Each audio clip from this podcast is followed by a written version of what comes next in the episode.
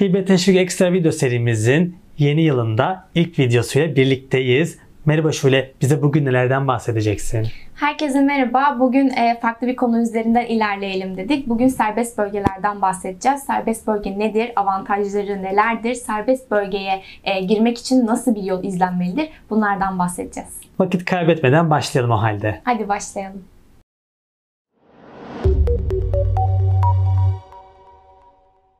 Serbest bölge nedir? E, serbest bölge ülkede geçerli mali, ticari ve iktisadi alanların idari ve hukuki düzenlemelerinin e, gerçekleşmediği veya kısmen gerçekleştiği, teşvik anlamında da daha geniş e, avantajlar sağlandığı bir bölgedir. Peki bu bölgelerin kuruluş amaçları nelerdir?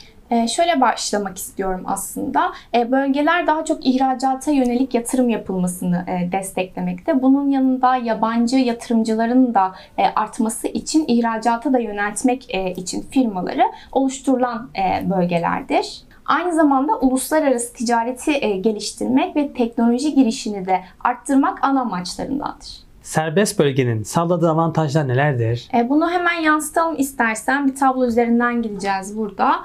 E, şimdi burada serbest bölgenin muafiyetlerini göreceğiz. İlk olarak kurumlar vergisi istisnası ile başlıyoruz.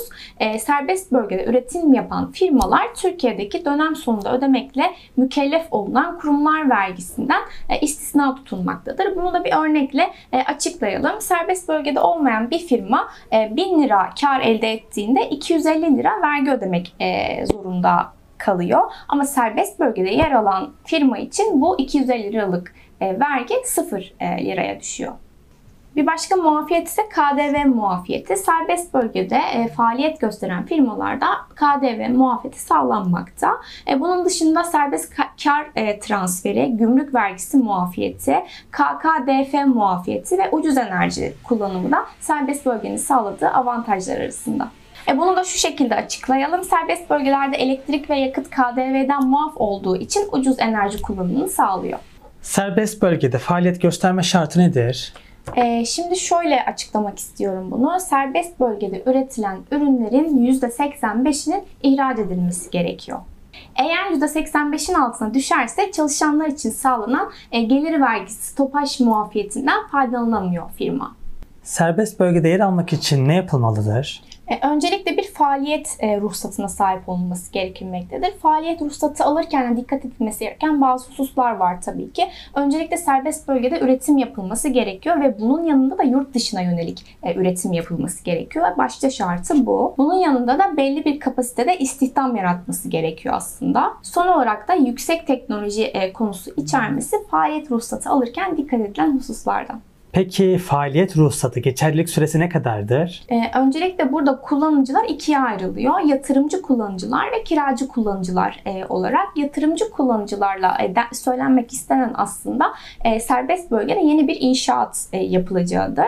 Kiracı kullanıcılar ise sadece orada bir bina kiralayan e, kullanıcılardır. E, yatırımcı kullanıcıların faaliyet süresi üretim yapan firmalar için 45 yıl, diğer firmalar için ise 30 yıldır.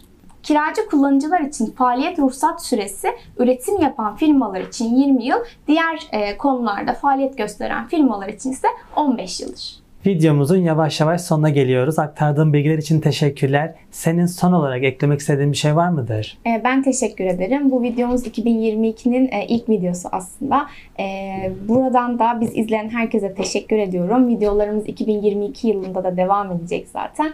Ee, bu video aracılığıyla da herkesin e, beklentilerinin gerçekleştiği bir e, yıl olmasını diliyorum. 2022 yılı hepimiz için bu şekilde olsun. Bunun yanında soru, görüş ve önerileriniz bilgileriniz için info.ikorosenpartners.com adresinden bizlere ulaşabilirsiniz. Herkese keyifli haftalar diliyorum. Hoşçakalın.